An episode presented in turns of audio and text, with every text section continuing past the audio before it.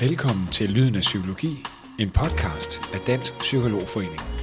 Du skal nu lytte til P-artiklen Jagten på ny viden om personer med depression og bipolar lidelse, baseret på et interview med psykologiprofessor Camilla Miskoviak. Artiklen er skrevet af journalist Reiner Hansen og indtalt af mig, Christian Nørgaard Larsen. Køleskab, hylder, komfur, ovn osv. Det ligner til forveksling et køkken, og det er også hensigten. Men det er et virtuelt scenarie, som det er muligt at bruge til at følge og fastslå kognitive funktioner hos grupper af personer med psykiske lidelser.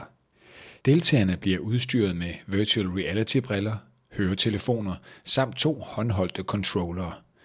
Derved kommer de ind i køkkenscenariet, som er etableret med en tilpasset software. Deres opgave er at forberede et middagsselskab. Deltagerne får mulighed for et enkelt kig på en liste og skal bagefter hente de nævnte ingredienser ud af køleskab og ned fra hylder. Og var det nu eksempelvis piskefløde eller madlavningsfløde?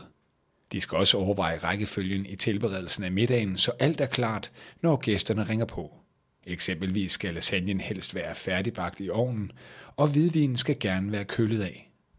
Desuden skal deltagerne forsøge at bevare fokus under madlavningen, selvom de i scenariet bliver forstyrret af lyd- og lysimpulser. Eksempelvis en sms-besked, der popper op på mobiltelefonen, eller en kedel, der koger. Køkkenscenariet indgår i et pilotstudie under ledelse af Camilla Miskoviak, der er professor på Institut for Psykologi på Københavns Universitet.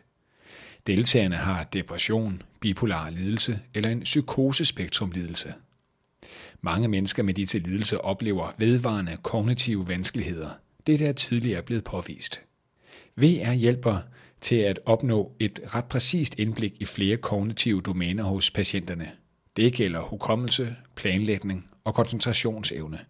Deres formåen inden for disse kognitive domæner bliver blotlagt gennem deres præstation i forhold til VR-opgaverne i køkkenet, siger Camilla Viskoviak og fortsætter. Traditionelt bruger man neuropsykologiske test til at måle de kognitive funktioner, men det er kendt, at disse tests kun kan forklare en brøkdel af, hvordan folk klarer sig kognitivt i dagligdagen. Det er et problem, at man således ikke har et godt mål for patienternes kognitive funktionsniveau i hverdagen, når man i gang sætter behandling, uddyber Camilla Miskoviak. Sammen med Ph.D.-studerende Andreas Elleby Jespersen demonstrerer Camilla Miskoviak VR-teknologien på sit kontor højt oppe i institutbygningen, som ligger ved et hjørne af Botanisk Have i København. På kontoret er der blandt andet en grafisk fremstilling af hjernens anatomi og forskellige bredrykkede fagbøger.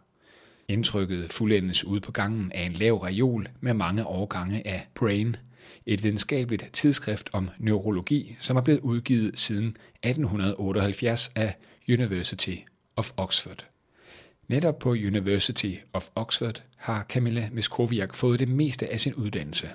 Hun forsker i kognitiv neuropsykiatri, og hendes forskning er langt overvejende rettet mod personer med affektive lidelser, blandt andet depression og bipolar lidelse.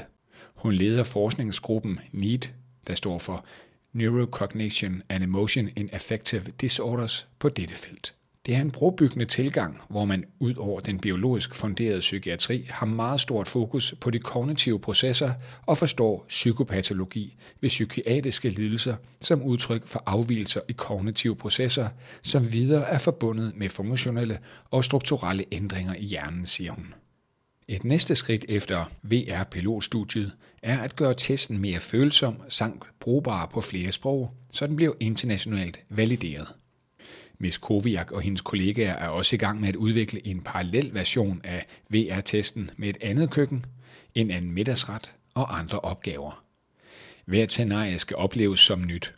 Ved at undgå indlæringseffekt kan man måle ændringer over tid hos samme personer, der er relateret til behandlingen. Ydermere er forskerne ved at validere VR-køkkentesten ved at sammenholde deltagernes præstation i VR-køkkenscenariet med, hvordan de klarer sig, når de skal lave et måltid i et virkeligt køkken. Det sker med en særlig aktivitetsundersøgelse kaldet AMPS, som anvendes af ergoterapeuter. Samtidig har Camilla Miskoviaks forskerhold indledt et randomiseret, kontrolleret, dobbeltblindet interventionsstudie.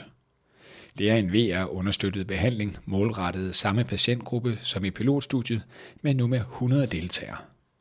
Forløbet med VR er en individualiseret behandling tilrettelagt med hensyn til svaghedsgrad af en terapeut, og hvor personen kommer ud for flere scenarier. I køkken, madlavning, i supermarked, indkøb, på kontor, forberede et møde, og på restaurant med kolleger, huske navne og udsagn. De får også hjemmeopgaver. For patienter med affektive lidelser findes der ikke nogen prokognitiv behandling, og de kognitive vanskeligheder var ofte ved. Omkring halvdelen er stadig plaget af det efter afsluttet behandling for depressionssymptomer og manisymptomer. Det er et usynligt handicap, siger hun og fortsætter. Behandlingen med VR glemmer ved, at patienterne i virkelighedslignende situationer træner strategier til at blive bedre til at håndtere kognitive udfordringer. Der er noget lejende og spilagtigt ved VR, og det er meget motiverende, siger Camilla Miskoviak. Resultaterne både for optimeringen af testen med VR og forskningen om behandling med VR kan ventes præsenteret i løbet af 2024. Camilla Miskoviaks far er læge, men hun valgte at studere psykologi, som er beslægtet. Hun havde en oplevelse af, at der stadig var store muligheder for at forme den psykologiske videnskab. Jeg tænkte, at der var så meget om hjernen og psyken, som ikke vides endnu, og som jeg kunne være med til at opdage, siger hun.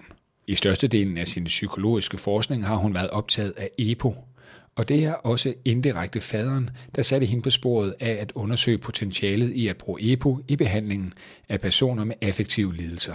Hun bemærkede i ugeskrift for læger, som lå hjemmet, en artikel, der påviste, at rotter, som fik EPO, fik reduceret deres fysiske hjerneskade. Hun satte sig for at finde ud af i et projekt under psykologistudiet, om der skete en tilsvarende forbedring af rotternes kognitive funktioner, hvilket der gjorde. EPO er kendt for sportens verden som et præstationsfremmende stof. Det er et hormon, der dannes i nyrerne, når iltindholdet i blodet er lavt, og det stimulerer dannelsen af røde blodlemmer. En højere andel af blodlemmer giver mulighed for at transportere mere ilt rundt i kroppen. I sit Ph.D.-projekt stiftede Miskoviak fra rotter til mennesker, og hun påviste, at EPO desuden kan bidrage til forandringer i hjernen og en forbedring af menneskers kognitive funktioner. Hun gik videre og fandt også gavnlige virkninger af EPO blandt personer med affektive lidelser, som er kendetegnet ved forstyrrelser i hjernens plasticitet. EPO kunne hjælpe til at reparere og danne nye hjerneceller og forbindelser mellem hjernecellerne. Men så støtter Camilla Meskoviak og kollegerne på en mur. Der er nemlig også en skyggeside ved EPO. Det er besværligt at give EPO med intravenøse indsprøjtninger. Det medfører desuden en forhøjet risiko for blodpropper at tilføre EPO udefra, siger hun.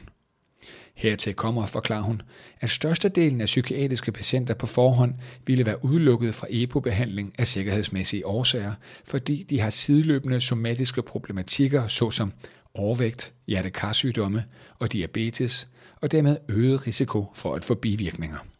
Denne erkendelse fik hende til at udtænke et forskningsprojekt om en naturlig forøgelse af EPO, nemlig simuleret højdetræning. Professionelle sportsfolk har længe brugt højdetræning. Forsøg med mus viste en positiv effekt af ophold i en ildfattig atmosfære på deres hjerne og kognitive funktioner. Hun indleder nu et storstilet studie med mennesker. Der er 180 deltagere. Projektet løber frem til 2027. Deltagerne vil i et forløb på tre uger opholde sig et antal timer dagligt i et højdetræningsrum på Psykologisk Institut, hvor der simuleres en højde på 4.400 meter. Det svarer næsten til at være på toppen af Mont Blanc. Ildindholdet er på 12 procent, mens det er 21 procent ved havoverfladen.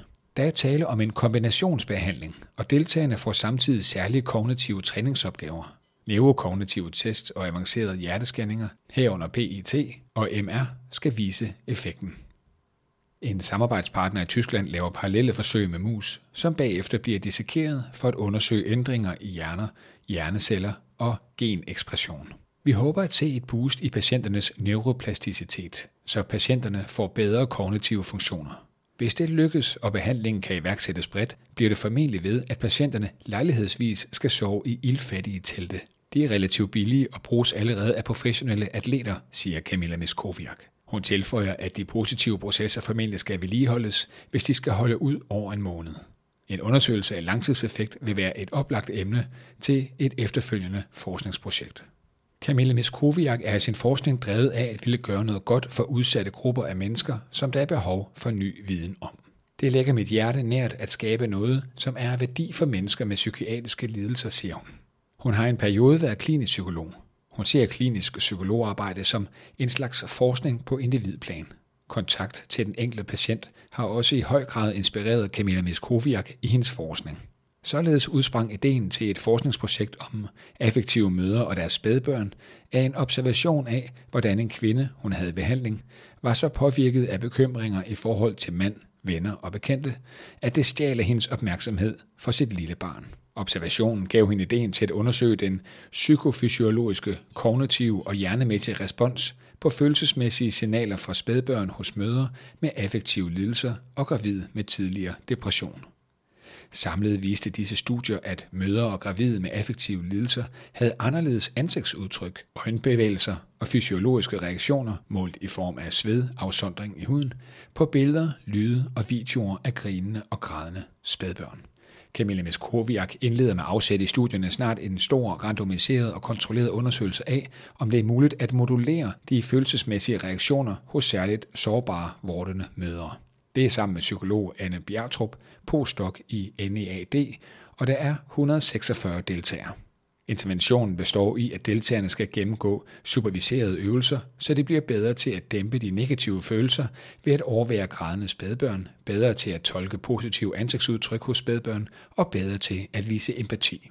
Hertil anvendes såkaldt biofeedback, som indebærer, at den enkelte kvinde får tilbagemeldinger i realtid på blikretning og ansigtsudtryk, der skubber hende i retning af den passende reaktion. Mens denne biofeedback i et lille studie blev givet via computer, tager Camilla Meskoviaks forskerhold VR i brug i det kommende store forskningsprojekt, der løber frem til 2025. Hun siger, vi har med VR-udstyr filmet babyer i Babylab længere nede her i bygningen, der er blevet sat i en høj stol, mens det græd i 30 sekunder. Det er ret lang tid at udholde for en mor. VR-scenarier giver derfor en unik mulighed for at hjælpe vorterne mødre med at træne følelsesreguleringsteknikker. VR-teknologien er med til at gøre det meget virkeligt, siger Camilla Miskoviak. Her slutter P-artiklen Jagten på ny viden om personer med depression og bipolar lidelse. Giv os gerne en anmeldelse på Apple Podcasts, Spotify eller hvor du ellers lytter til podcast. Mange tak for at have lyttet med.